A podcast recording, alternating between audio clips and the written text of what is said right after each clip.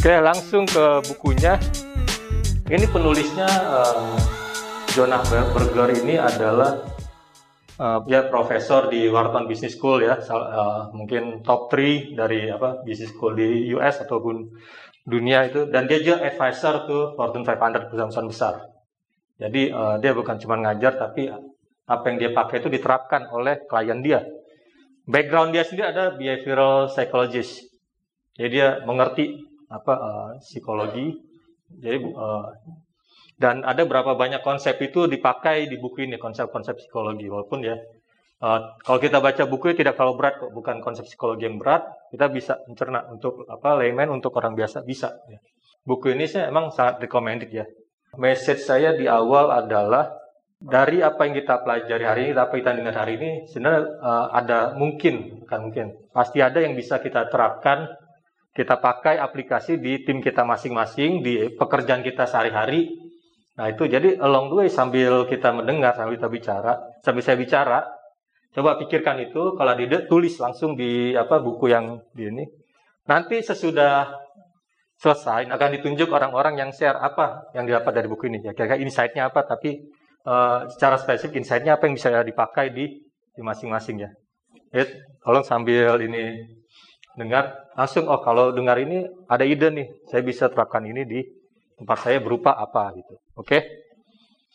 Kita balik ke apa namanya fisika dasar dulu. Uh, mungkin nggak semua dari kita waktu SMA backgroundnya IPA ya atau fisika, tapi saya yakin SMP masuk semua gitu. Dan ini fisika dasar ini masih pelajaran SMP.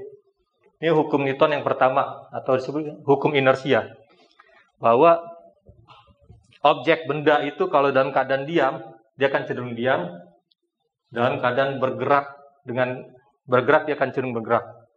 Contoh yang paling sering kita apa, alami sehari-hari, misalnya kita naik mobil ya, naik bus lah.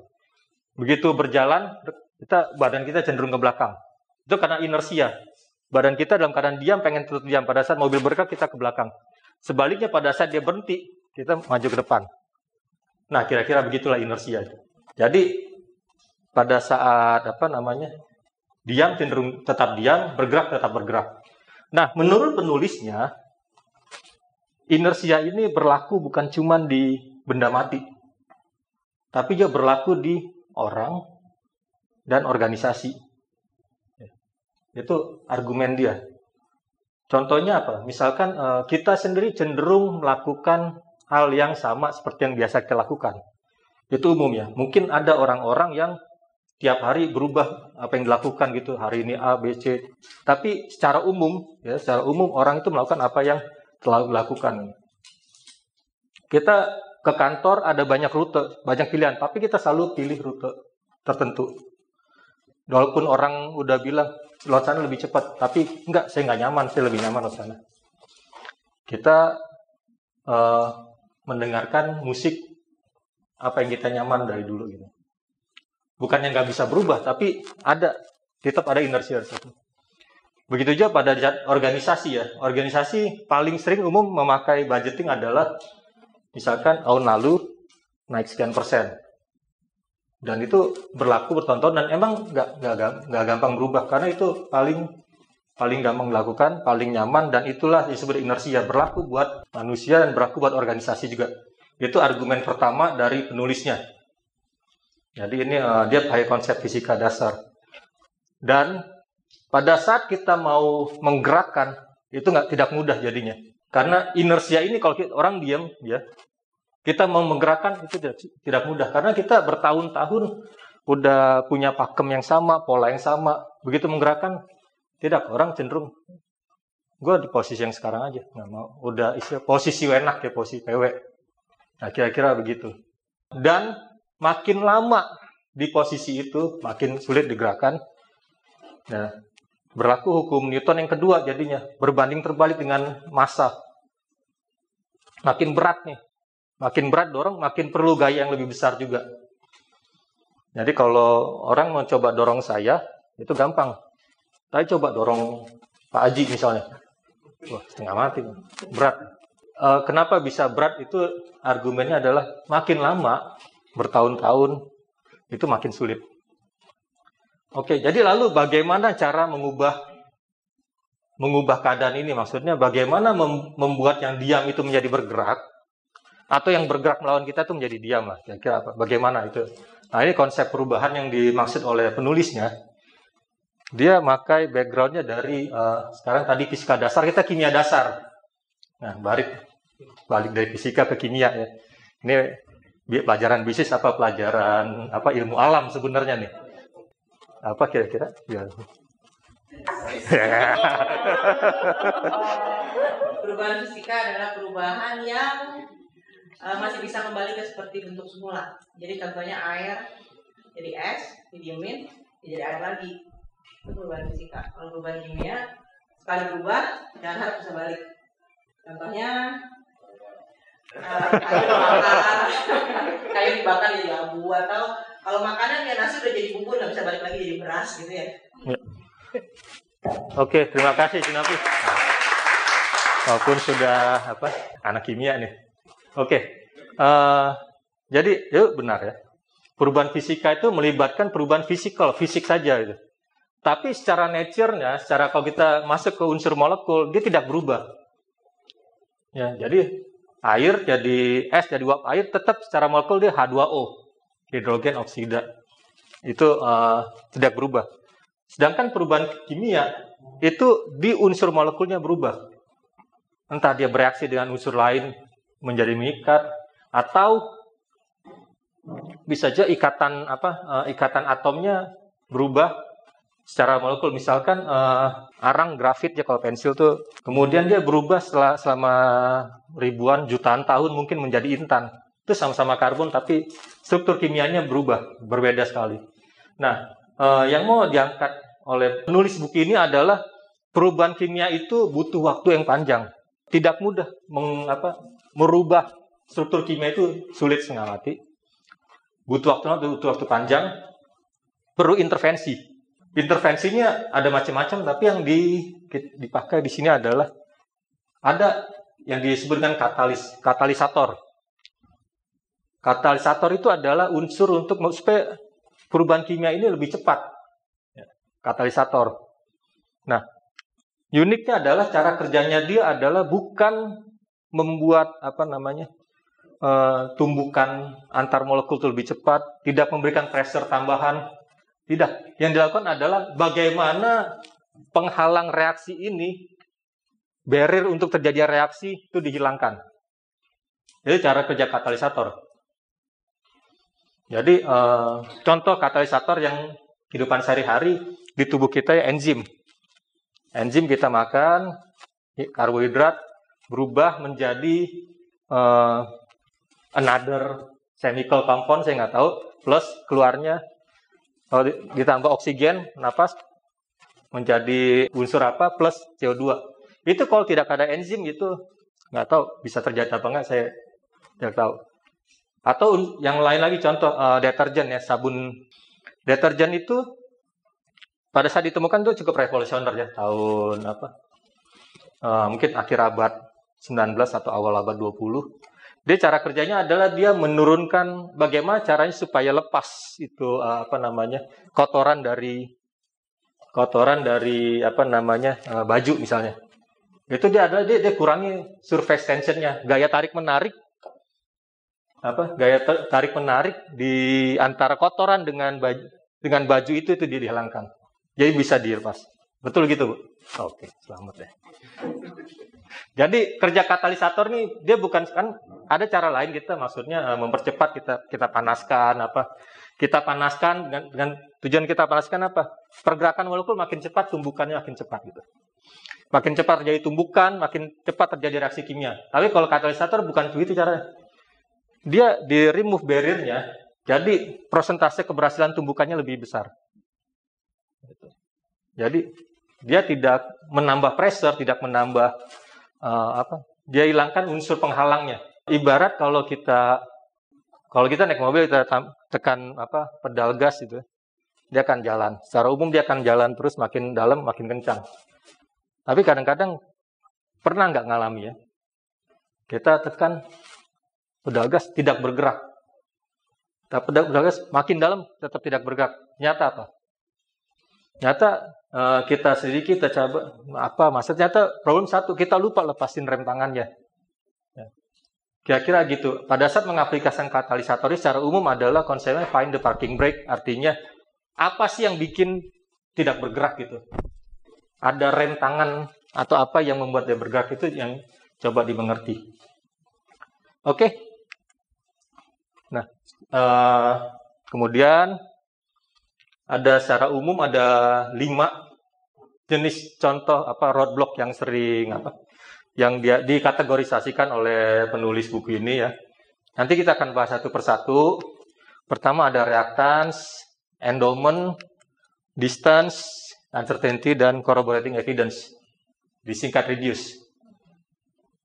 Penulis maka istilah bahwa kita ini adalah katalis-katalis ini. Role kita di bisnis, role kita sebagai apa leader itu sebagai katalisator di organisasi kita.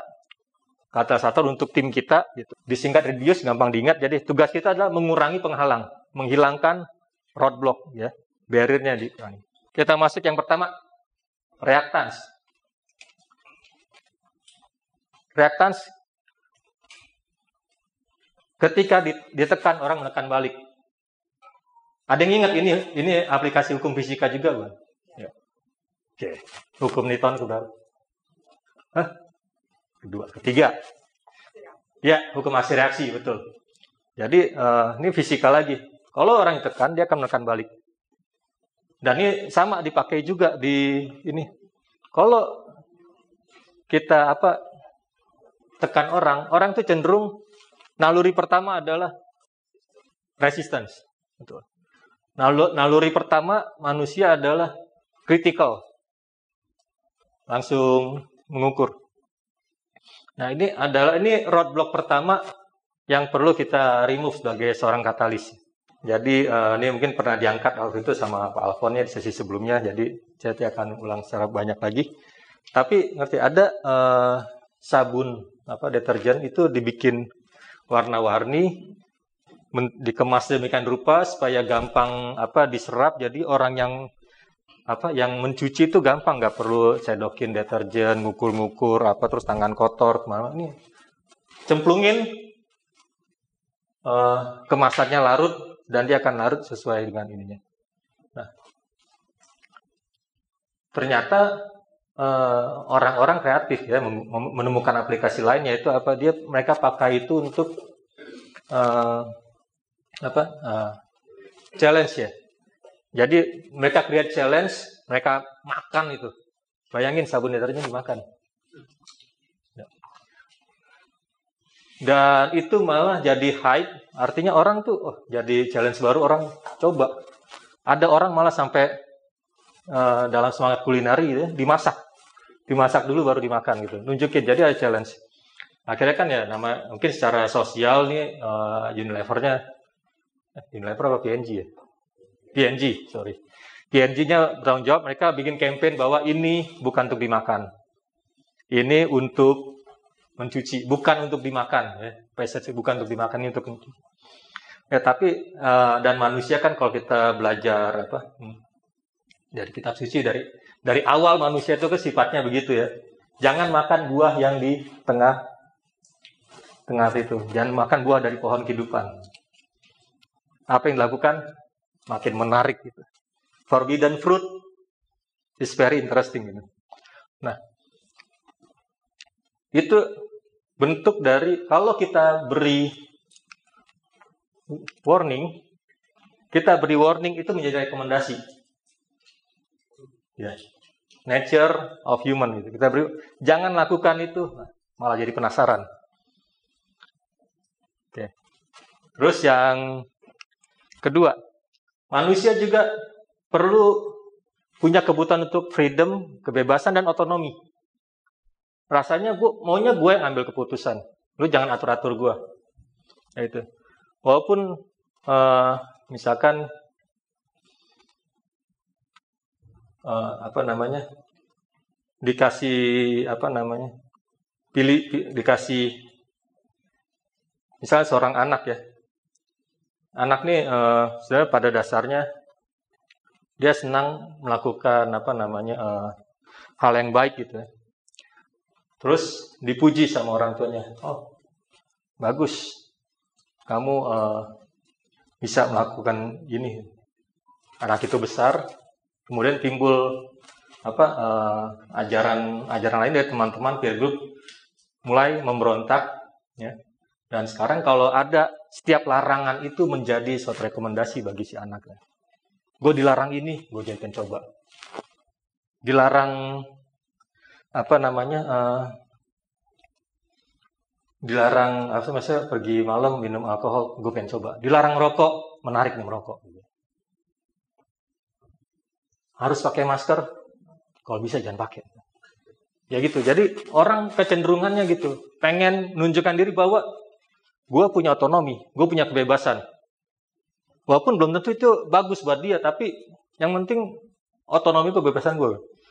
Nah ini yang uh, penyebab kedua yang apa rasional dari reaktans ini.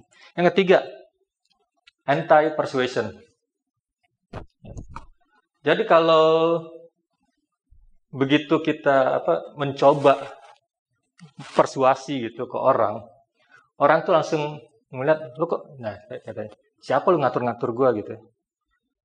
Siapa, siapa lu gue persuasi? Enggak, gue bisa kok mikir di sini, gue bisa tahu apa yang gue ini.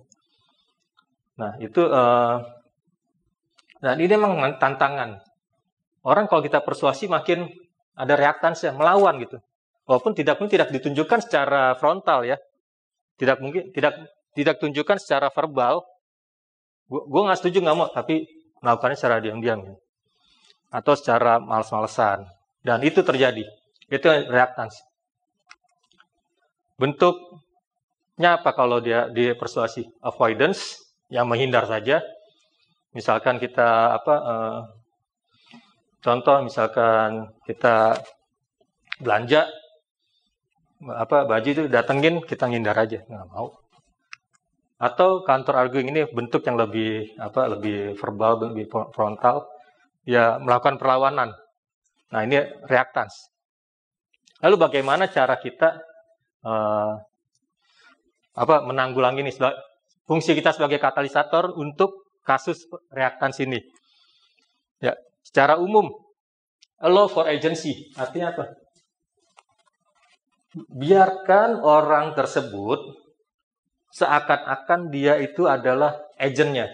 Dialah pengambil keputusan. Beri dia feeling bahwa gua ini agentnya nih. Gua bukan uh, robot yang diatur. Itu allow for agency. Karena apa? Kita tentunya nggak mau kebebasan full nih, ya. Kita sebenarnya udah ada desire apa yang kita mau, tapi kita kalau kita langsung push, reaktans akan melawan, akhirnya malah nggak dapat. Jadi allow for agency, tapi limited. Contohnya apa? Menu. Kita kalau ke restoran tentunya dikasih udah limited, jangan sampai datang ke Marco minta sushi. Ya. Udah nggak datang ke apa sederhana minta BPK, ya udah nggak pas. Tapi di, udah ada menu-menunya masing-masing. Dan ini diaplikasikan, uh, contoh paling gampang, sering kan ngalamin uh, kalau apa eh kita makan di mana terserah lu deh. Yaudah makan di ini. Nggak mau makan di situ nggak mau. Saya kata terserah. Nah, kan sering kan? Nah nah kata nah trik seperti ini katanya. Untuk kasus seperti ini ya udah provide menu artinya. Instead of apa kita tunjuk ke sini ke sana ke sini kita kasih menu. Enakan makan di tempat A atau tempat B. Bedanya apa yang pertama? Pertama tadi kita kasih tunjuk dan dia harus apa? Ya harus ikut. Yang kedua ada agensi. Unsur agensi kita kembalikan kepada orang yang apa namanya uh, kita minta. Oh dia akan oh nyari keputusannya balik ke gue nih. Gue punya otonomi di sini. Jadi ada unsur itu. Contoh yang yang sering di apa dipakai di dunia bisnis ya. Kalau kita uh, creative agency, jangan pernah bawa satu desain. Begitu kita bawa satu desain, itu klien akan mencoba menilik kritik ini ini ini ya. bawalah dua tiga atau empat desain kan dan itu uh, itu decisionnya walaupun kita dari kita udah atur ya jangan bawa kebanyakan juga ya tapi kita udah atur dia udah atur dan orang itu apa uh, klien kita akan fokusnya adalah pada melihat oh ambil ini fokusnya adalah dia kembali punya uh, decisionnya lagi fokusnya adalah memilih menggunakan otonomi dia yang terbatas itu karena kita batasi cuma berapa dan fokus dia akan uh, mana yang paling baik buat saya. Bukan sebagai reaktan. Reaktan sih fokusnya adalah gue nggak mau yang jelek. Tapi kalau begitu mana yang baik buat saya? Itu, itu beda. Ah, itu akan sangat beda sekali. Oke. Okay? Contoh kedua adalah as, don't tell. Lu mesti begini, begitu, begini. Enggak. Tapi diarahkan ke sana. Di buku ini ada contoh yang menarik ya. Di, dia pakai contoh pada saat di kita mau uh, sorry ada seorang pengajar itu di lembaga testing itu dia mau supaya bagaimana murid ini belajar mempersiapkan diri dengan baik gitu dia kalau dia bilang yuk mesti siapkan sekitar dalam waktu enam bulan ini dalam waktu enam, enam bulan ya 300 jam itu mesti siapkan gitu itu tidak berhasil kenapa karena mereka uh, mereka sudah punya ini sendiri. Aku cukup belajar sekian membandingkan dengan pengalaman mereka masa lalu. Lalu trik dia bagaimana si apa uh, pengajar ini, si apa instructor ini ya? Dia diarahkan. Oke, okay, untuk apa namanya? Untuk lulus tes ini, ingat Anda berkompetisi. Ini bukan tingkat kelulusan dari apa asal melewati skor tentu Anda lulus enggak. Anda berkompetisi melawan orang.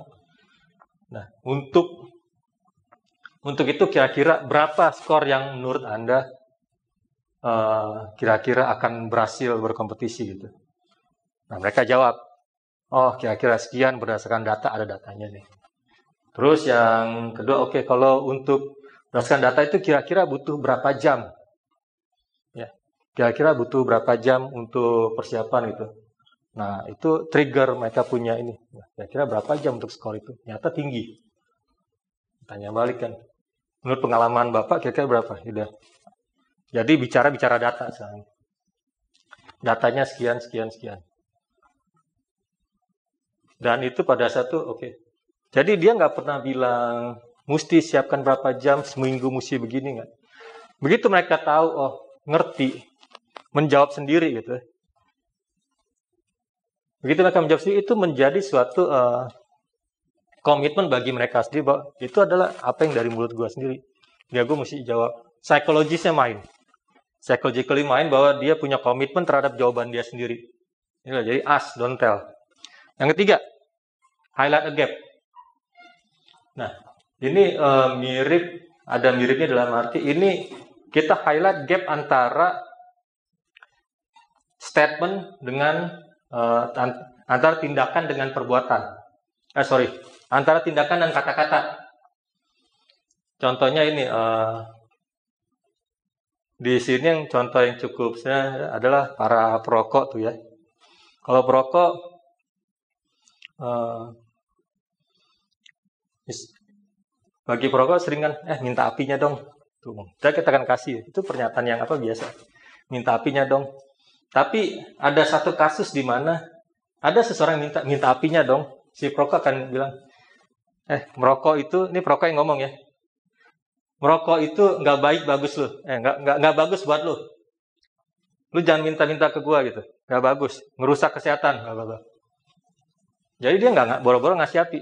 Ini malah nolak dan dia uh, bilang ini bahwa ngerokok tuh nggak bagus. Kenapa? Karena yang minta, yang minta tuh anak kecil minta rokok, minta api. Nah, ini adalah bagian bagian dari campaign uh, anti smoke, anti merokok di uh, di Thailand itu yang dipakai. Dan itu ternyata berhasil.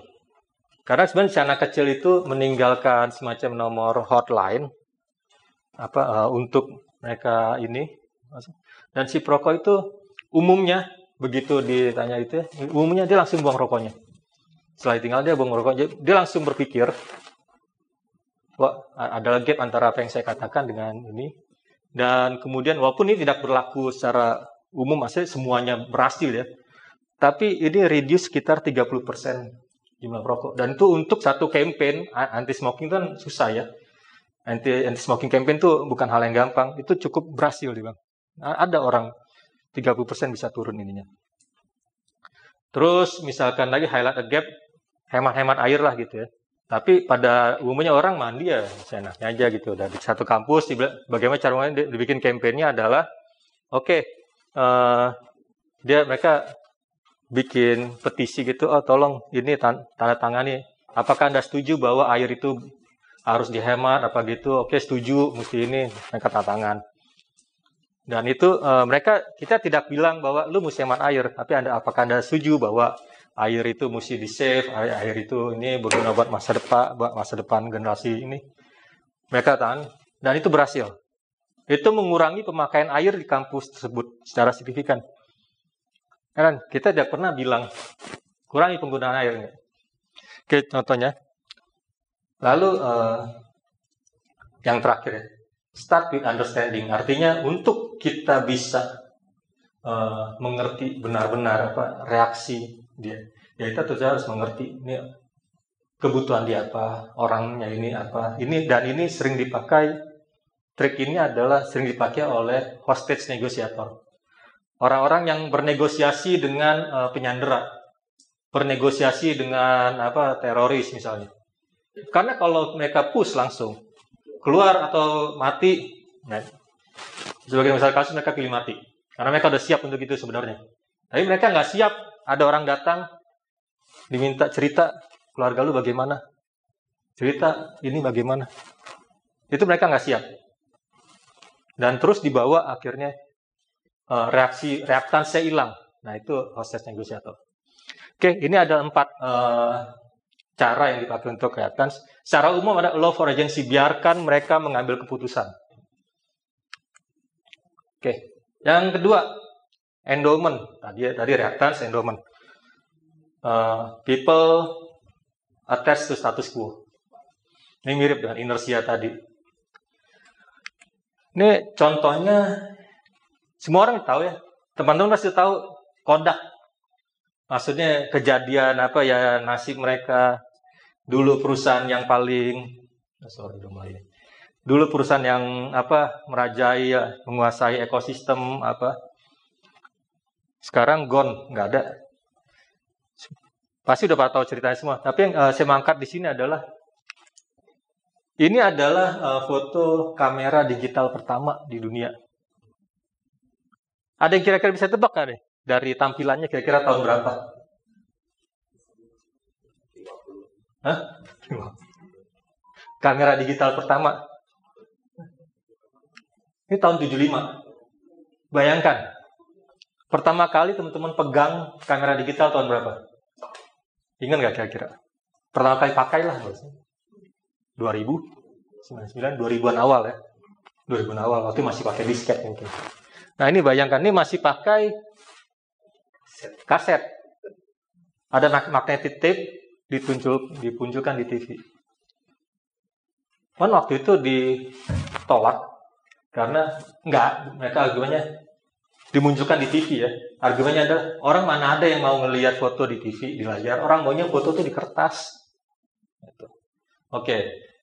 engineer yang kita ini baru dua tahun kerja di Kodak. Jadi dua tahun dulu kerja di Kodak, bayangin ini dua, dua tahun bisa hebat ini bikin. Nah, ini kamera digital Kodak. Dari tampilannya kira-kira tahun berapa? Hah? Ya, mendekati. Ini, tapi ini sudah mirip dengan kamera digital zaman sekarang ya. Dengan yang tahun 75 itu beda sekali. Ini udah handy, SLR. Tahun 89. Mereka punya begitu waktu panjang ya. Kita lihat tadi, kita akrab dengan kamera itu tahun 2000-an awal. Mereka punya waktu 10 tahun lebih. 10 tahun lebih untuk menguasai teknologi. Menjadi yang terde tetap terdepan, mereka punya waktu 10 tahun tidak dipakai. Yang pada saat ini diajukan, oke okay, kita masuk ke sini, ditolak oleh apa uh, mereka maju ke berbagai departemen eksekutif ini ditolak. Ada yang tahu kenapa ditolak? Kira-kira apa penyebab ditolak? Kalau kamera digital ini menjadi suatu tren, bisnis yang paling menguntungkan mereka adalah jualan film. Ya. Jualan film, jualan kertas, apa namanya, kertas film. Mereka menguasai ekosistem ya. Chemicalnya mereka kuasain, kertasnya kuasain, lapisan film dikuasain itu, dan marginnya tinggi sekali. Ini sama aja membunuh existing bisnis mereka. Jadi itulah, jangan dikembangkan gitulah. Biarnya kita simpen aja di lab kita. Tapi kemudian patennya mereka jual, dapat duit dasarnya billion of dollar, triliunan mereka dapat duit jual paten ke Sony, Canon. Mereka ya mereka dapat patennya, mereka pelajari, mereka buat sendiri. Tahun 2000-an 10 tahun kemudian jadi tren orang ninggalin apa film dan 10 tahun kemudian kodaknya tutup. Karena mereka inersianya begitu kuat, ya endowmentnya begitu kuat, mereka uh, tidak apa tidak mau bergerak. Itu endowment. Jadi endowment adalah kita tuh over value apa yang kita punya, udah punya ataupun yang kita punya, uh, lakukan. Ini jelas sekali kodak ya. Over value nih kita punya bisnis uh, film, kamera film. Kalau nggak tahu, nyata ini bibit apa teknologi yang lebih jauh lebih menguntungkan. Terus kemudian juga uh, endowment, kenapa kita bertahan dengan apa yang kita punya, teman Kita itu ada uh, sebut loss aversion ya, artinya kita itu lebih rela diem apa status quo dibanding kita kehilangan sesuatu. Walaupun kehilangan sesuatu ini ada kemungkinan kita dapat sesuatu yang lebih baik. Contoh paling klasik, anda uh, diajak bertaruh ya, toss koin, lempar koin. Kalau menang, lempar koin cuma ada dua kemungkinan. Kalau menang dapat uh, ribu, kalau kalah, yuk kasih gue seratus ribu. Saya yakin gak ada yang mau. Ngapain? Nggak ada maksudnya uh, 50-50 chance. Ngapain gue uh, ambil? Oke kita naikkan. Kalau menang dapat 120 ribu. Kalau kalah kasih 100 ribu. Masih nggak ada yang mau. Ini research ya, dites berapa kali. Naikin terus akhirnya uh, hasil akhir risetnya berapa kira-kira? Orang itu baru tergerak, baru tergerak untuk apa namanya uh, ikut dalam game ini bila upside-nya, reward-nya tuh minimal dua kali. Jadi kalau dua kali artinya gue balik kalau gue menang gue dapat 200 ribu, gue kalah kasih 100 ribu, baru gue berani, baru ikutan. Nah itu sebab loss aversion, manusia. Menilai bahwa uh, eh, 100 ribu gue nih lebih berharga daripada 200 ribu yang lo akan kasih gitu. Kira-kira gitu. Ya. Terus yang ketiga lagi kenapa endowment ini adalah switching cost. Kita begitu switch dari satu software ke software lain misalnya, walaupun software yang baru ini lebih apa lebih superior nggak gampang. Banyak biaya yang keluar. Walaupun secara superior dan udah pasti returnnya lebih bagus.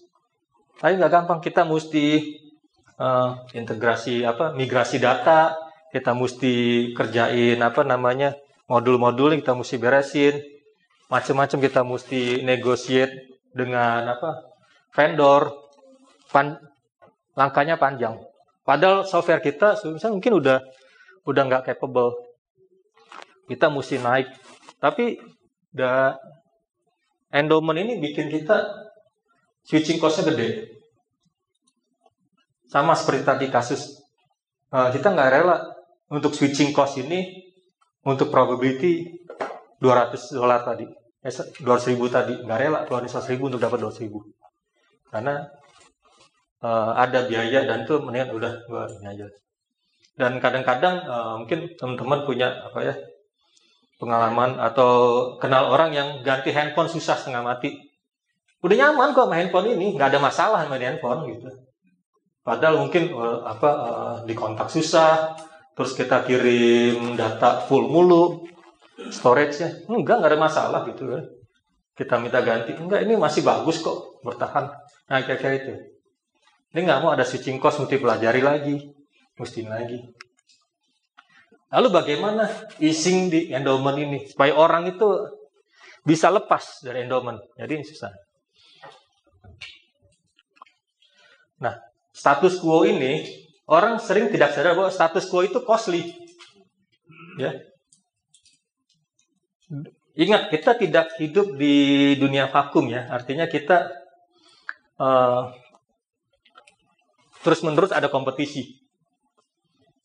Kita bilang uh, kita masih oke okay kok, masih apa namanya, masih growth walaupun kecil misalnya. Atau kita masih oke okay, minus growth, tapi kompetisi bergerak. Jadi pada saat kita diam, orang lain lari lebih cepat orang lain lebih cepat lama-lama secara bisnis kita bisa kita ya ob oblivion apa hilang dari bisnis ini. Pelajaran dari Kodak apa? Mereka pikir dengan uh, gue status quo gue terdapat duit dari jualan film, jualan ini. Tapi ada cost. Costnya apa? Orang-orang lain bergerak lebih cepat lagi. Diambil teknologi digital, dikembangkan, dia campaign, dia produksi kamera. Jadinya sangat costly. Kodaknya tutup. In action itu ada costnya. Uh, apa nah, misalkan, nah ini mungkin kita sebagai leader ya atasannya. Satu tanggung jawab kita, role kita ada satu-satunya approve, memberikan approval. Ya kita pikir ah ini bisa gampang ditunda. Tapi ingat delay kita itu costly gitu. Setiap satu hari kita tunda approval, Kecuali kalau perlu memang perlu pemikiran yang perlu ini diskusi lebih dalam. Tapi kalau satu hal yang gampang kita lakukan, lakukan aja. Costly setiap hari kita delay. Terus yang kedua, burn the ship. Uh, ini mungkin agak ekstrim. Dalam arti gini, ini ngambil contoh tentara datang ke suatu pulau gitu. Uh, terus mereka akan mau merebut pulau ini, tapi uh, prajuritnya kan takut juga gitu. Prajuritnya takut. Ada kapal, kita baik aja kapal. Kita baik lagi ke negara kita, nggak perlu apa namanya uh, berperang sama sama jenderalnya sama panglimanya dibakar itu kapal Tujuannya apa? Lu nggak pilihan lagi, lu harus maju. Ya, lu burn the ship, bakar kapal. Ini uh, agak ekstrim, tapi coba mungkin mungkin bisa dipakai dalam bentuk yang lebih uh, lunak ya. Misalkan uh, balik ke dunia IT lagi nih. Sorry, ini udah mulai. Satu ya udah. Yang tadi Uh, paling apa di banyak perusahaan itu pada saat melakukan migrasi operating system ya dari Windows 7 ke Windows uh, XP eh sorry dari Windows XP ke Windows 7 dari Windows 7 ke Windows 10 itu uh, problem IT itu biasa adalah uh, user nggak mau bawa usernya nggak mau bawa laptopnya untuk di ini. Karena laptop masih gue pakai gue lagi kerja. Itu satu. Sibuk. Laptopnya nggak bisa istirahat. Walaupun sebentar saat mungkin. Karena ganti OS emang butuh waktu kayak uh, setengah hari sampai sehari. Ya nggak sebentar. Gue sibuk lagi kerja jangan gini. Terus satu. Terus kedua problem yang lain juga adalah kalau ganti operating system gue mesti belajar lagi dong mesti coba lagi ya gitu jadi ini padahal uh, ini risikonya makin besar. Makin berlama-lama dia di operating system yang lama, risiko keamanan makin besar karena uh, ya Microsoftnya tidak keluarkan lagi patching yang baru untuk virus-virus baru dia nggak keluarkan. Nah, jadi uh, cara yang dipakai adalah itu adalah burn the ship artinya bilang demi keamanan, demi keamanan network kita dalam waktu dua bulan yang masih menggunakan operating system yang lama tidak bisa berhubungan ke network. Jadi kayak komputer jadul tuh, nggak berubah menjadi mesti pakai flash disk untuk berdata. Terus terus kedua, kalau terjadi kasus, uh, you ur urus sendiri karena apa namanya ini fatal. Jadi itu burn the ship, nggak bisa pakai lagi laptop intinya gitu. Kalau dua bulan lo ini nggak bisa pakai lagi laptopnya. Dan kemudian yang terjadi adalah para usernya itu bawa itu laptop berebutan bawa mau cepet-cepetan gitu karena takut. Jadi itu yang apa Burndership itu di endowment udah dua dari lima ya. Nah sekarang yang ketiga distance. Kalau terlalu kalau terlalu jauh dari posisi saya sekarang, saya nggak mau berubah. Saya nggak mau. Uh, saya nggak mau terpengaruh. Saya nggak mau bergerak terlalu jauh jaraknya. Gitu. Contoh paling umum ya, uh, paling gampang ya, politik. Ya, saya nggak mau bicara politik Indonesia. Tapi kira-kira tahu ya kondisi Amerika lah gitu ya.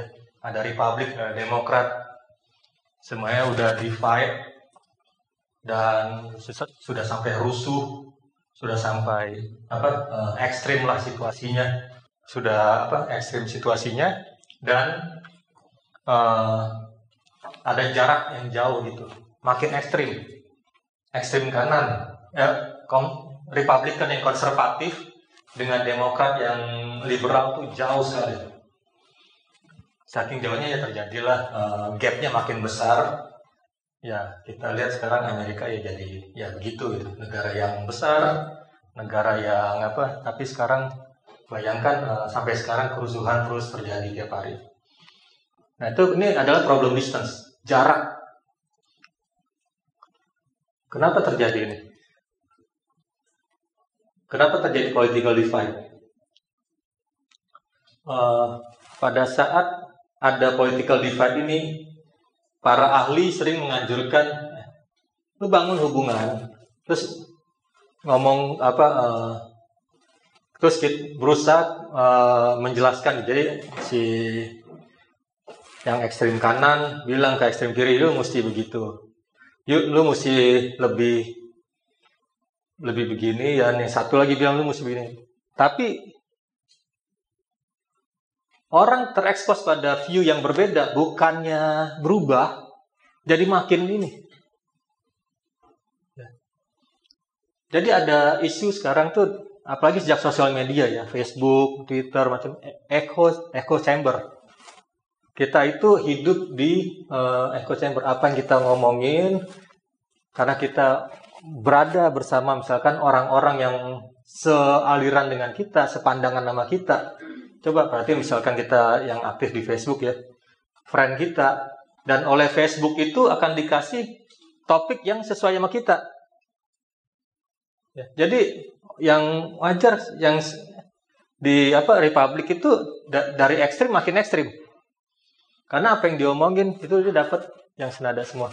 Tidak dapat sama sekali opposing view. Tidak tahu bagaimana ini. Dan begitu didapat opposing view, nggak terima. Karena udah dicuakin begitu banyak pandangan yang selama ini dia pegang, dapat yang beda. Nah, inilah kenapa uh, tidak mudah ya sampai sekarang nih kita sampai sekarang tidak mudah itu untuk uh, membenahi masalah, radikalisme gitu. Nggak nggak sebentar karena udah begitu lama begitu da, begitu lama dapat pandangan A dikasih pandangan B bukannya dia jadi mikirin B enggak. Pandangan A-nya makin kuat nah itu problem.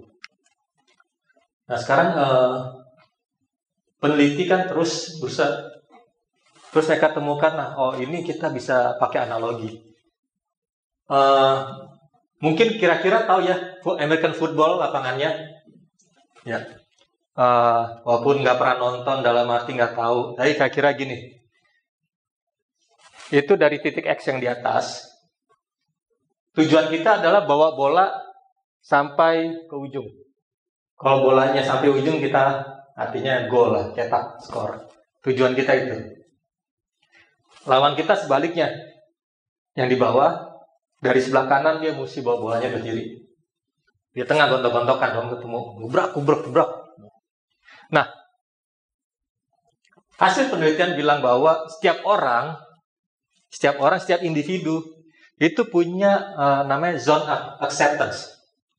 Ya, zone of acceptance itu adalah uh, pandangan pandangan dia yang uh, titik apa titik poin dia saat ini dan gue bisa accept pandangan sampai seberapa jauh.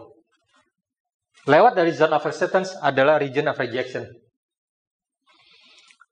lebih dari ini gue tolak. Gua. Jadi dunia ini tidak binary ya, tidak satu atau nol. Jadi uh, dunia ini ada spektrum dalam apa dalam setiap individu itu spektrum. Ada orang yang di ekstrim, ada yang di tengah. Kalau dia di tengah, zone of acceptance di tengah, dia lebih bisa gerak ke kiri atau ke kanan. Gitu. Nah, yang sering kali uh, gagal orang apa misalnya mencoba membenahi situasi dividing ini adalah dari kanan lu paksa orang ini masuk region of rejection. Nah, ini yang tidak berhasil karena apa? Nggak bisa geser sana. Dia harus apa namanya? Harus ada zone of baru dia bisa bergerak. Nah, setelah mengerti apa konsep ini, barulah para ahli itu bisa bilang, oke, okay, sekarang saya punya solusi bagaimana uh, menghadapi problem ini. Nanti solusinya ya. Tapi kira-kira uh, bayangkan gambar dulu. Jadi ada kita belajar self-acceptance was region of rejection. Dan ketiga, ada konfirmasi bias, confirmation bias. Kita itu mencari informasi pada saat kita dapat hal yang bertentangan dengan view kita selama ini, kita akan cari informasi yang mendukung kita punya argumen. Ya. Kak, you'll find what you're looking for. Kamu akan pasti temukan apa yang kamu cari. Karena it, kamu nggak akan temukan argumen yang berbeda karena yang kamu cari memang argumen yang berbeda. Jadi confirmation bias. Contohnya nih, uh, kalau kita pendukung dua klub bola berbeda ya, Real Madrid sama Barcelona nih. Ya, Real Madrid sama Barcelona. Saya penggemar, saya pendukung Real Madrid, teman saya pendukung Barcelona. Kita nonton pertandingan yang sama. Lalu uh, misalkan Lionel Messi di tackle. Nah, saya sebagai Real Madrid, nah itu dia diving. Ya, bagi saya dia diving itu. Tapi bagi penggemar Barcelona itu pelanggaran. Ini kejadian yang sama, mata kita sama. Itu confirmation bias. Bagi kita itu beda. Jadi, kalau Donald Trump sering bilang fake news, CNN itu fake news gitu. Berita palsu. Bagi Demokrat, ya fake news itu Fox. Kalau di kita, misalkan ya, kita tahu ada koran yang kita baca, masuk TV yang kita tonton, bagi kita sama TV yang dia tonton, TV dia tonton tuh gosip semua, berita bohong. TV saya lebih jujur, TV yang saya tonton. Nah, itu kira-kira uh, confirmation bias. Lalu, jadi problem distance ini terjadi solusinya bagaimana cara kita sering the distance ya. Bagaimana distance bisa ketemu. Pertama, yang paling gampang, find the movable middle. Cari orang-orang yang di tengah. Ya. Karena dunia ini bukan ekstrim kanan ekstrim kiri, banyak orang di tengah ada gitu yang yang kita bilang oh kita bisa apa kita bisa pakai supaya argumen kita masuk. Ya mungkin kalau di apa di kalau istilah politik ada ada orang-orang moderat yang bisa dipakai untuk switch situasinya. Nah itu. Kalau di politik Amerika, mereka tuh campaign fokusnya mereka udah tahu California pasti Demokrat, New York pasti Demokrat, Texas pasti Republik. Tapi mereka cari 6 atau 7 negara bagian swing state yang bisa fokus mereka ke situ. Di tempat lain mereka cuma maintain supaya tetap menang aja, tapi di situ mereka cari bagaimana supaya menang. Jadi uh, itu akan menentukan. Begitu juga kalau di Indonesia ya. Di Indonesia itu akan fokus kepada yang yaudah yang penting siapa? Jawa Barat, Jawa Tengah, Jawa Timur. Tapi Jawa Tengah udah pasti Jokowi. Kalau Sumatera Barat udah pasti Prabowo dulu kayak gitu. Jadi yang seru di mana? Itu Jawa Barat sama Jawa Timur. Itulah fokus mereka. Kira-kira begitu. Cari di mana ini find movement. Karena ada orang-orang itu. Problemnya bagaimana kalau nggak ada? Artinya problemnya nyata nggak segitu gampang. Nyata jaraknya jauh. Nah, yang kedua adalah ask for less. Kita, uh, oke, okay, sorry balik sini. Movable middle nih kalau di konteks kita misalkan kita punya satu apa inisiatif ya. Tapi inisiatif kita ini mungkin uh, terlalu jauh jaraknya untuk apa? Untuk disetujui apa maksudnya ag agak kontroversial banyak pertentangan. Nah, bagaimana kita golin inisiatif itu? Ya, find the movable middle. Cari orang-orang yang kira-kira bisa jadi champion untuk inisiatif ini. Yang lebih bisa saya apa uh, mungkin lebih acceptance untuk ini untuk bisa diterima. Dan champion ini kemudian akan mempengaruhi kan legend of station makin mendekat. Jadi yang tadi di ekstrim jauh pun bisa ketarik untuk apa buy in. Kira-kira gitu. Cari champion-champion supaya orang-orang yang di ekstrim itu bisa ketarik. Yang kedua, uh, ask for less. Ask for saya jadi uh, min, jangan minta uh, jangan minta langsung banyak, ya minta sedikit-sedikit. Nah, makanya pada saat saya terima ini, saya merasa jangan-jangan Bu Norita ini menerapkan konsep ini gitu. Re request pertama atau enggak? Request pertama apa ke saya? Baca buku. Jadi kalau saya disuruh ini bilang, ah udah Malik atau Andreas saja lah gitu. Mas ngerjain cari yang lain, Malik atau Andreas saja mungkin mereka bisa ini. Tapi requestnya apa? Sesederhana, baca buku. Ya udah baca buku apa ini sih. Jadi ini bukunya bagus. Oke, buku bagus. Seneng baca. Gampang dong baca buku ya. Terus naik. Nah, baca buku kenapa? Karena kita akan diskus di tim. Ya rencana awal gitu kita akan diskus di tim. Ya udah diskus bareng akan dilit Bu Norita yang ngelit ya udah gampang baca buku. Ya nanti tahu ya. Terus yang kedua naik. Tok lu aja dia ngelit ininya apa discussionnya. Ah kenapa? Kata gue nggak ada waktu nyiap nyiapinnya nih. Oke ya udah.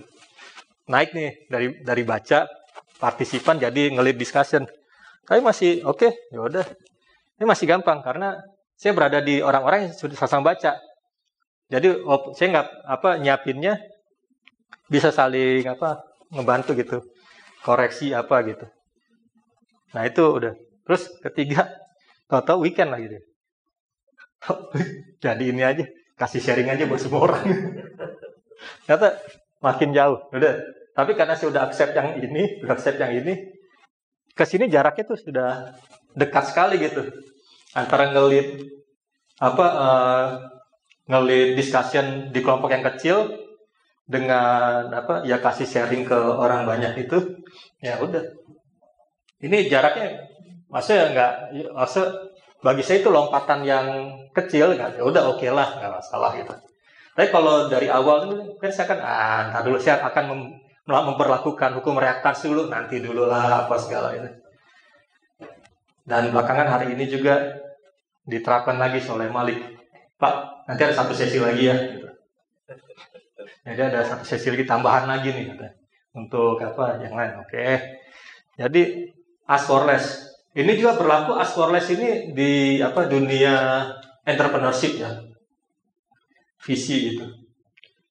Kalau uh, kita minta funding ya, itu kan kita di, di visi mereka kalau kita minta funding gue butuh berapa? gitu. Oke dalam lima tahun saya butuh apa 100 juta dolar. Nggak ada yang ngasih. Tapi kita minta oke okay, kasih aja lah satu juta dolar buat gue develop produknya. Ask for less lebih gampang bagi si apa uh, investor oke okay, gue kasih satu juta dolar gue bisa karena jaraknya dekat tapi kalau kita minta langsung 100 juta dolar dia akan mikir ya, tunjukin dulu jadi kita kita ask for less, 1 juta dolar, kita produknya develop, gue butuh buat ini POC, kasih lagi dong 5 juta dolar, kasih lagi, nah itu. Jadi bertahap. Jadi uh, jarak yang jauh itu pun makin makin dekat.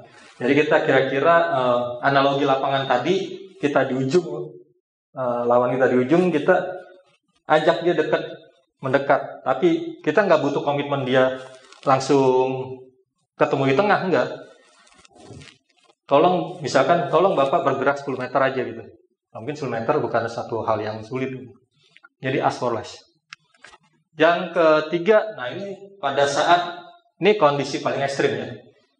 Emang udah nggak ada caranya, movable middle nggak ada, ask for less juga nggak bisa. Nah ini menarik switch fieldnya, unsticking point.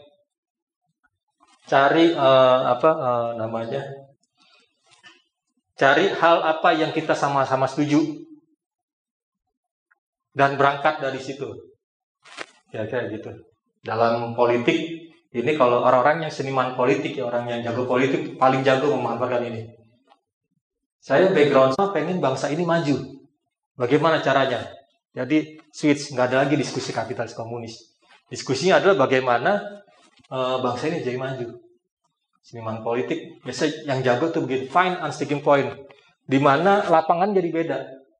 Background udah nggak main lagi tapi gimana kita punya tujuan bersama nggak? Ya, kayak gitu. Kadang-kadang kita uh, mungkin ada ekstrim-ekstrim. Misalnya kita nggak cocok nih orang itu nggak bakal ketemu deh gitu. Nggak bakal bisa kerjasama atau uh, udah terlalu jauh jaraknya gitu. Nggak bakal. Ya udah. Kira-kira apa yang titik apa di mana ada agreement di situ udah mulai. Pakai itu. Oke, yang ketiga.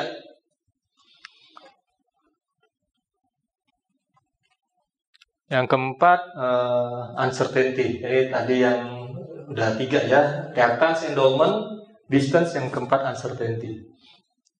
Setiap uh, keraguan itu, setiap keraguan itu membuat perubahan itu makin sulit.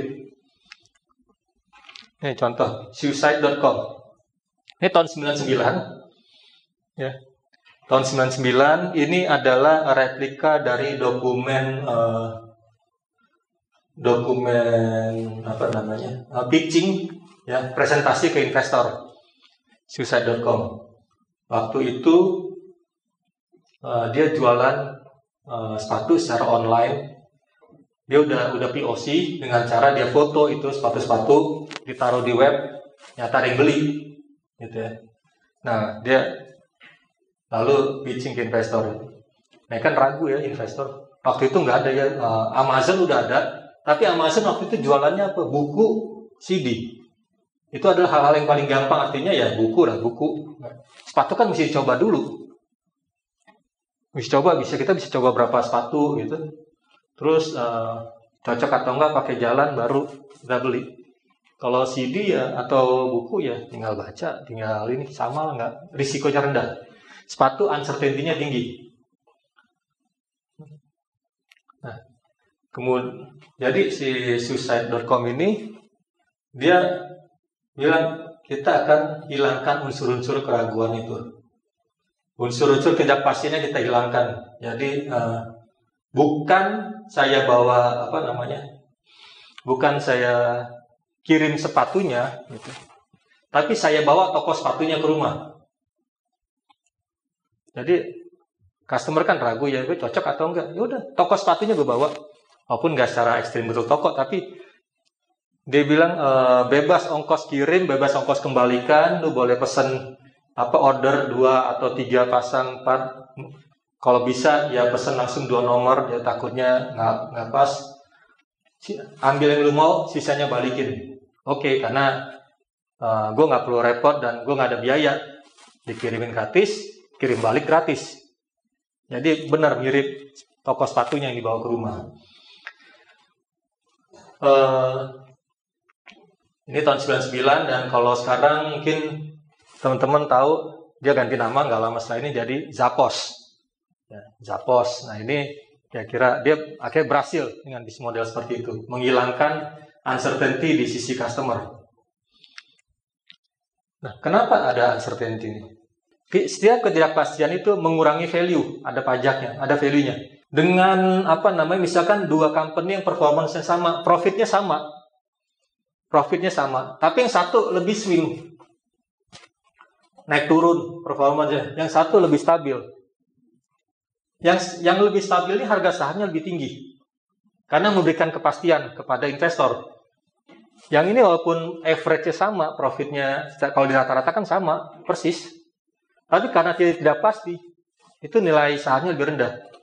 Karena jadi menimbulkan keraguan dan keraguan ini mengurangi value.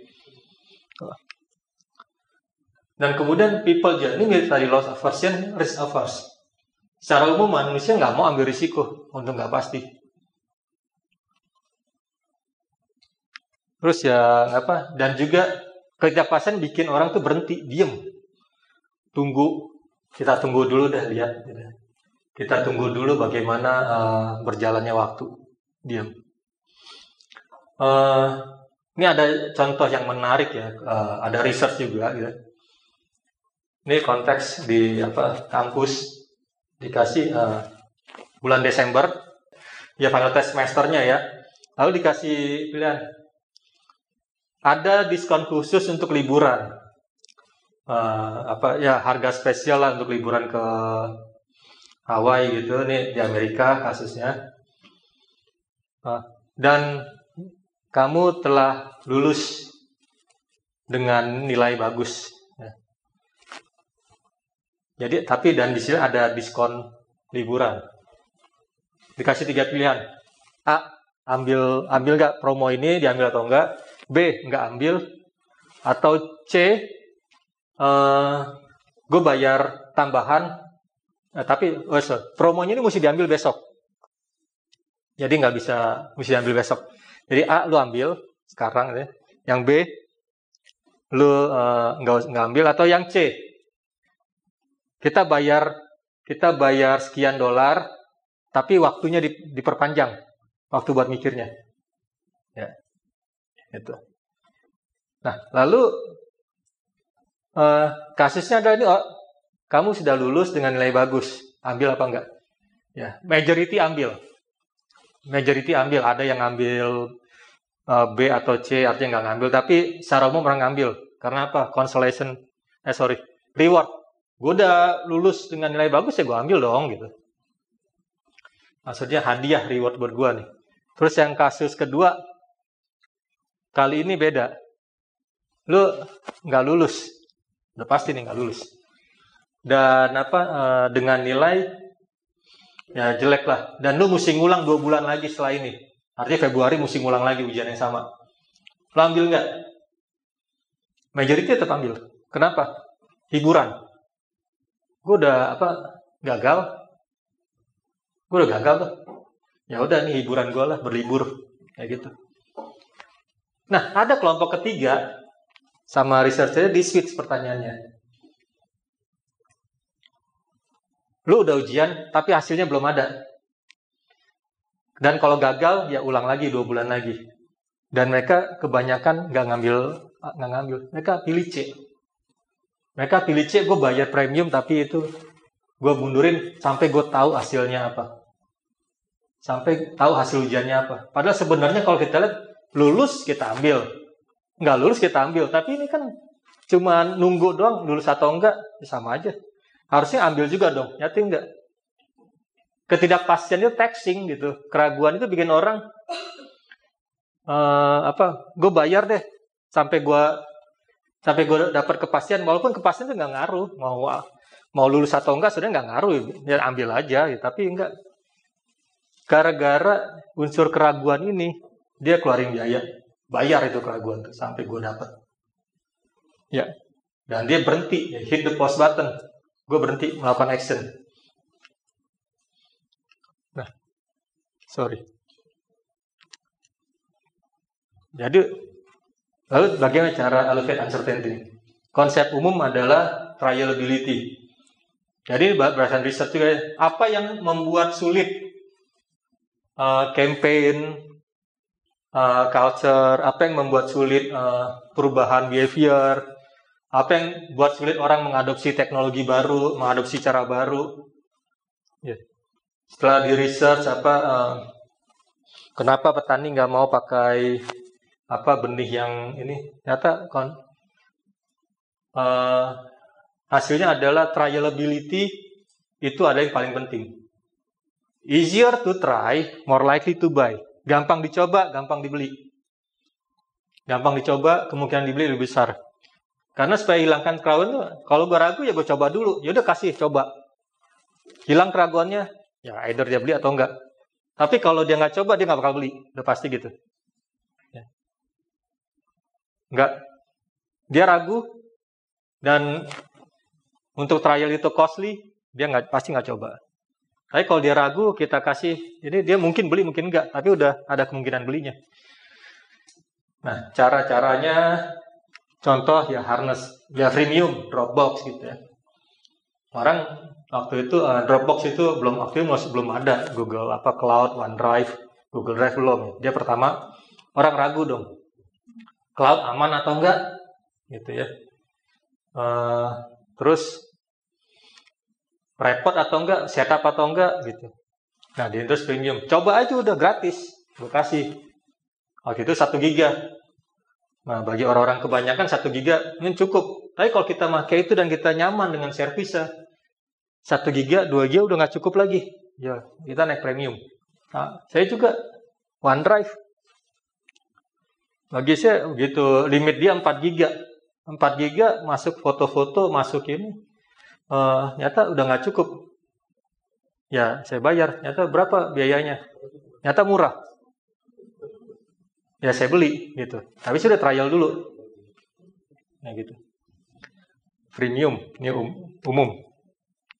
Kemudian upfront cost-nya. Nah, ini seperti yang dilakukan oleh Zappos tadi ya. Karena tidak pasti, ya udah free free delivery, free return. Dikasih sama dia. Jadi orang itu bisa uh, artinya uh, untuk mencoba nggak keluar biaya kira-kira gitu. Terus ketiga drive discovery. Kadang-kadang isunya uh, emang sulit aja mengakses itu. Contohnya gini di Amerika juga. Ini dari bukunya ya. Uh, contoh Acura atau kan Honda Acura itu uh, kalau Toyota punya Lexus, Honda punya Acura. 11-12 kualitasnya. Acura muncul lebih dulu pada Lexus. Tapi Acura muncul lebih dulu, tapi uh, sampai sekarang konotasi di apa di US itu konotasi mobil apa mobil Jepang mewah yang bagus itu adalah Lexus, bukan Acura. Jadi mereka punya problem di brand awareness. Dan mereka udah promo apa segala nggak berhasil. Karena apa? Nyata ah nyata ada problem di trialability. Apa yang bikin orang itu mau coba kita punya mobil? Cara paling klasik kan misalkan ya test drive ya. Semua orang test drive test drive. Tapi ini nggak orang datang ke dealer nyoba aja nggak datang ke dealer nyoba itu nggak datang jadi sulit juga kita mengadain test drive apa karena orang nggak mau coba yang dilakukan adalah apa dia akhirnya kerjasama nih si Akura ini dengan si dengan satu jaringan hotel mewah di Amerika. Udah oke, okay. buat siap tamu diantar gratis keliling kota ke mana pun. Ada ada ada supir, ada mobil. Orang pakai dong. Kalau test drive mungkin orang masih mikir, eh, buat apa sih buat test drive? Tapi kalau nih, nah gue mau ke apa? Dari hotel mau ke kantor siapa daripada pakai taksi ada yang gratis, ada sopirnya mobil mewah. Coba. Ya pasti coba kan jalan. Akhirnya orang coba banyak. Emang nggak semuanya beli tapi orang jadi orang coba dan ada yang beli. Kira-kira waktu itu uh, dan sekitar kalau nggak salah 20% orang yang coba jalan itu akhirnya beli. Emang pasarnya pas juga ya di hotel mewah ada yang coba mereka ngerasain ah, ini mobil bagus ya nyata gitu. Dan lihat harganya juga uh, comparable terus kualitasnya bagus ada nyoba ada beli. Nah itu berhasil kampanyenya itu uh, drive discovery-nya. Nah terakhir supaya trialnya gampang buat reversible artinya bisa. Kalau orang coba itu boleh nggak jadi atau kalau di perdagangan boleh dikembalikan barangnya jadi uh, kalau gue beli, misalkan di Amerika tuh sangat umum ya kalau beli laptop, beli laptop tuh sebulan balikin balikin gitu, free, nggak ada isu. Karena uh, terus ada saya lupa di buku ini ada satu uh, bisnis gitu dia dia coba hilangkan nih fasilitas apa uh, free return gini dia hilangkan. Yang terjadi memang dia punya return artinya uh, sorry bukan dihilangkan. Tadinya dua bulan dipendekin jadi tiga tiga puluh hari. Dia punya return memang uh, jadi apa namanya turun ya. Tapi secara profit dia turun juga. Karena apa? Orang yang ber, membeli berkurang. Orang membeli berkurang. Padahal sebenarnya orang dia tariknya beli itu karena adalah ada returnnya nih jadi kalau gua kalau nyata nggak berhasil gue bisa balikin. Jadi lihat ada ada impactnya. Profitability-nya ber, emang naik karena returnnya turun tapi profit secara keseluruhannya turun karena volume revenue-nya turun. Nah itu yang uh, reversible. Oke. Okay. ini triability. Oke okay. terakhir corroborating evidence uh, dan ada beberapa hal yang memang perlu bukti tambahan. Cuman uh, di sini bagaimana bentuk bukti tambahan seperti apa gitu. Nah ini ada case. Uh, kita misalkan kita launching marketing ya. Tentunya kalau lagi kita launching marketing kan pasti ada mesti mikir ya biaya, waktu, kompleksitasnya dan kira-kira berapa lama baliknya tentu saja kita pikir ini. Nah, kan Pertanyaannya kita punya dua opsi nih. Kalau kita campaign kita lebih pilih mana?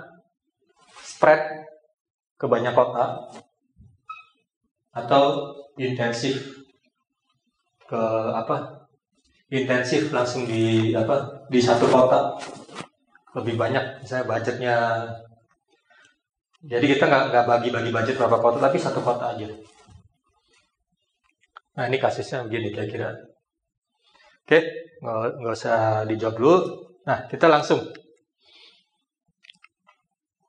Uh, ada corroborating evidence ini kita perlu uh, belajar konsep mengenai pebble dan boulder. Pebble itu adalah kerikil, boulder itu batu sungai yang besar-besar tuh. Ini untuk bilang bahwa manusia itu punya dua jenis attitude terhadap apa? Segala sesuatu ya. Ada weak attitude, strong attitude. Weak attitude itu adalah hal-hal yang kita ya gampang switch Contohnya uh, saya suka makan Jepang di restoran mana, terus saya pindah ke mana. Nah, bagi saya restoran Jepang ini weak attitude. Strong attitude adalah hal yang sulit dirubah. Saya penggemar Coca-Cola, saya nggak pernah mau makan eh, minum Pepsi. Nah, bagi saya Pepsi sama Coca-Cola ini strong attitude. Saya lebih ini. Ya. Saya misalkan dan tiap orang berbeda-beda ya. Tiap orang berbeda-beda. Ada yang bagi orang ya Pepsi sama Coca-Cola sama aja. Tapi ada yang enggak beda. Nah itu kita mesti tahu ininya. Terus kedua, ada problem translasi nih. Ini tiap campaign terjadi, tiap diskusi, tiap bicara, setiap komunikasi terjadi problem translasi. Translation problem itu karena message-nya gitu. Begitu ada message sampai, ada orang ngomong, saya ada kemungkinan itu saya salah nangkep maksudnya. Dan dan begitu mesin datang saya langsung mikir ini message ini kira-kira apa gitu. Uh, meaningnya buat saya. What in it for me? Artinya apa? Terus yang kedua, kita juga akan lihat yang ngomong siapa nih. Ya, jadi sebelum yang ngomong siapa itu penting. Walaupun uh, sebenarnya kita sih lihat, lihat message-nya aja siapa yang ngomong, tapi tetap aja beda. Tetap aja beda. Siapa yang ngomong itu walaupun message-nya sama, ya yang ngomong apa uh, pendeta sama yang ngomong teman kita yang sering kita kenal sehari-hari kelakuannya ya beda gitu. Message sama misalkan message-nya ayat Alkitab misalnya. Terus problem kedua resipien orangnya beda. Jadi misalkan tadi contoh ya saya bagi saya Coca-Cola Pepsi sama aja. Bagi tapi bagi teman saya Coca-Cola sama Pepsi itu beda gitu. Misalkan uh, brand attachment, umumnya brand attachment itu strong attitude. Nah itu switchnya susah. Jadi kalau strong attitude, weak, uh, switchnya susah, weak attitude switchnya lebih gampang. Nah ini pengaruh ter terhadap corroborating evidence yang kita perlu apa? Kita perlu kumpulkan. Jadi sekarang problemnya ada ada orang itu kalau kita kasih message satu, belum berubah. Message 2 belum berubah. Message 3 belum berubah juga. Jadi kita sampaikan, walaupun katanya corroborating evidence, kita kasih bukti-bukti baru, nyata uh, masih belum bergerak. Nyata ya, evidence seperti apa? Ya, evidence seperti apa kita kasih tiga kali, empat kali ngomong yang sama, nggak ngaruh. Nah, itu lagi. Evidence seperti apa yang kita bisa kasih untuk problem ini? Kita jadi strength in numbers, kita perlu kasih evidence yang banyak, tapi seperti apa? Pertama, similar and diverse. Berbeda, tapi sama. Nah ini susah nih, maksudnya apa? Similarity. Kalau saya uh, misalkan ke liburan nih, mau pilih hotel. Saya sebagai apa ya, yang berkeluarga, punya anak kecil, dua, saya akan cari uh, apa namanya hotel yang favorit para uh, keluarga. Ya kalau hotel yang favorit anak muda, saya saya nggak pilih. Kenapa? Karena itu beda. Anak muda pasti hotelnya beda. Uh, apa situasi suasana. Saya mau hotel yang berkeluarga. Nah itu similar bagi saya. Saya cari orang-orang yang sama. Industri misalnya kita suka apa? Uh, bisa kita mau pilih software kita lihat oh kalau di healthcare industry pakainya apa Nah, kira-kira gitu. Kita cari evidence dari orang-orang yang similar dengan kita. Tapi kalau hanya similar saja tuh ya nggak menambah informasi baru kalau berulang-ulang. Tambahin lagi dengan yang diverse. Diverse ini uh, tetap similar tapi diverse misalnya gini. Kembali ke kasus software tadi. Kalau saya kalau pakai software ini uh, healthcare industry pakai-pakai nggak pakai. Terus apa consumer goods pakai. Nah itu uh, yang similar. Tapi yang diverse dari dimensi yang lain. Artinya uh, misalkan yang pakai adalah industri lain, industri apa? Uh, misalkan industri uh, elektronik, tapi yang size-nya sama sama kita. Jadi dia similar dalam urusan size, diverse dalam urusan industrinya. Jadi ini adalah evidence yang dicari yang similar dan diverse. Itu menambah legitimasi. Oh, dari sisi ini, dari sisi industri kita sama, dari sisi size sama. Tapi ada berbeda satu size satu industri. Itu evidence evidence yang bagus untuk menambah uh, apa namanya uh, keyakinan keyakinan si calon customer. Itulah kenapa sering kan uh, vendor itu ngadain apa istilah uh, seminar breakfast yang cuma setengah hari ke, ngumpulin. Nah itu sebenarnya dia berusaha ya ketemu lah dengan peers, ya. orang-orang yang dari industri berbeda. Ini bagaimana software ini bisa dipakai, bagaimana pendekatan dipakai. Jadi dipertemukan itu mereka sedang mengumpulkan corroborating evidence itu, di mana si itu nggak perlu ngomong lagi si penjualnya, tapi lu dengar lah dari klien word of mouth gitu. Terus yang kedua, corroborating evidence lihat waktunya juga. Nah, menurut penulis, waktunya adalah kalau bisa bersamaan. Jangan terlalu jauh jaraknya. Kita ngomong sekarang, ngomong lagi besoknya. Jadi atur jaraknya karena begitu message dikasih pertama, message kedua dikasih ada jarak lagi, jauh lagi orang udah lupa lagi message pertama. Jadi jaraknya harus bersamaan. Yang ketiga, nah ini konsentrasi atau spread. Secara umum konsentrasi. Secara umum. Kenapa? Karena ini eh, makin kita konsentrate, message-nya makin kuat. Tapi tidak selalu begitu. Nah, balik ke kasus tadi yang pertama ya. Kita spread atau kita konsentrate marketingnya. Satu kota atau kota baru. Oke, jadi nah si penulis berdasarkan apa yang dia kerjakan, berdasarkan penelitian dia, dia bilang it depends ya, tergantung pada apa yang kita mau coba jual, apa yang kita launching produknya. Kalau uh, produk yang kita jual itu switching cost rendah, artinya untuk orang itu pakai itu tidak sulit ya, artinya uh, tidak kalau mikir banget untuk pakai. Jadi misalkan satu uh, kita udah punya produk hair terus kita tambahin lagi produk hair dengan apa kandungan baru extension produk extension. Nah ini kriteria adalah pebble kerikil. Artinya nggak susah kita naikin lagi. Tapi kalau kita introduce produk yang baru ya, uh, artinya kita orang pertama yang launching ini produk atau kita uh, atau produk ini betul-betul bahkan belum dikenal. Nah itu itu kita punya problem yang disebut strong attitude tadi. Kalau strong attitude, kita perlu corroborating evidence yang lebih banyak, intensitas semakin tinggi. Pada kalau terjadi strong attitude, kita pilih apa? Kita concentrate di satu kota dulu, concentrate di satu segmen customer dulu, gitu. Tapi kalau untuk weak attitude, artinya yang uh, product extension kita kita lebih mudah, kita bisa spread. Karena untuk corroborating evidence kita tidak perlu terlalu banyak, ya kira-kira gitu. Oke. Oke, terakhir tutup ya. Kita, kita wrap dulu sedikit, ya ingat. Pertama, uh, reactance. Tadi solusi kita allow for agency, biarkan mereka ambil keputusan walaupun kita udah arahkan. Endowment, kita kasih tahu bahwa endowment ini in action itu ada biayanya, kita survei jadi mereka tahu bahwa diem aja tuh costly.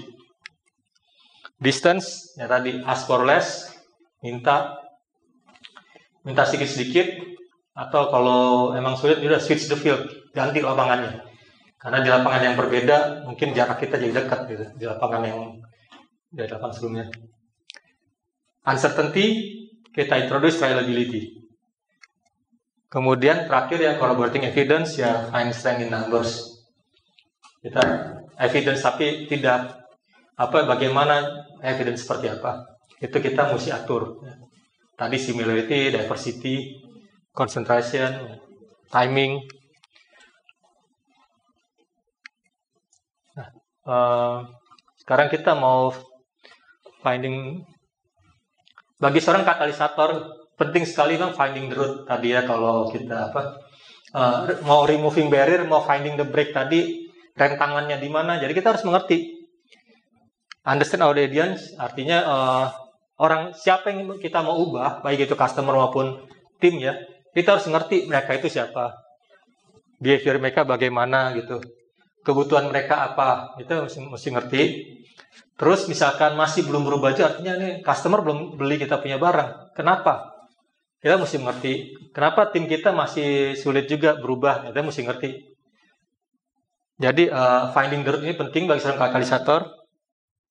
Dan kedua, uh, nggak semua hal itu zero sum gitu. Kalau kita balik ke distance tadi ya, kita kalau terpaku pada satu lapangan, oh dia jauh jaraknya sama kita atau kita terpaku pada uh, reaktans tadi kalau nggak kita laut either A atau B itu nah. Pada ada banyak hal sebenarnya nggak zero sum. Kalau kita switch fieldnya atau kita rubah apa namanya uh, metodenya kita temu barriernya di mana ternyata oh kita nggak perlu keluar biaya lebih banyak kok untuk mengubah ininya gitu. Untuk mengubah kelakuan dia. Karena untuk mengubah apa kita removing barrier butuh biaya besar ya atau mengubah orang butuh biaya besar. Mengubah apa uh, campaign kasar butuh biaya tapi kalau begitu kita tahu barriernya di mana nyata costnya nggak segitu costly. Karena itu jauh lebih mudah. Terakhir ya di kakaknya. Buku ini adalah menekankan bagaimana si pembaca kita gitu ya bisa menjadi seorang uh, katalis. Menjadi katalisator. Kita sebagai agent of change agen-agen perubahan. Jadi kita punya power. Kita, ya, kalau dia bilang dengan baca buku ini jadi punya power karena kita punya jadi punya trik-triknya bagaimana mengubah manusia, mengubah organisasi, mengubah customer.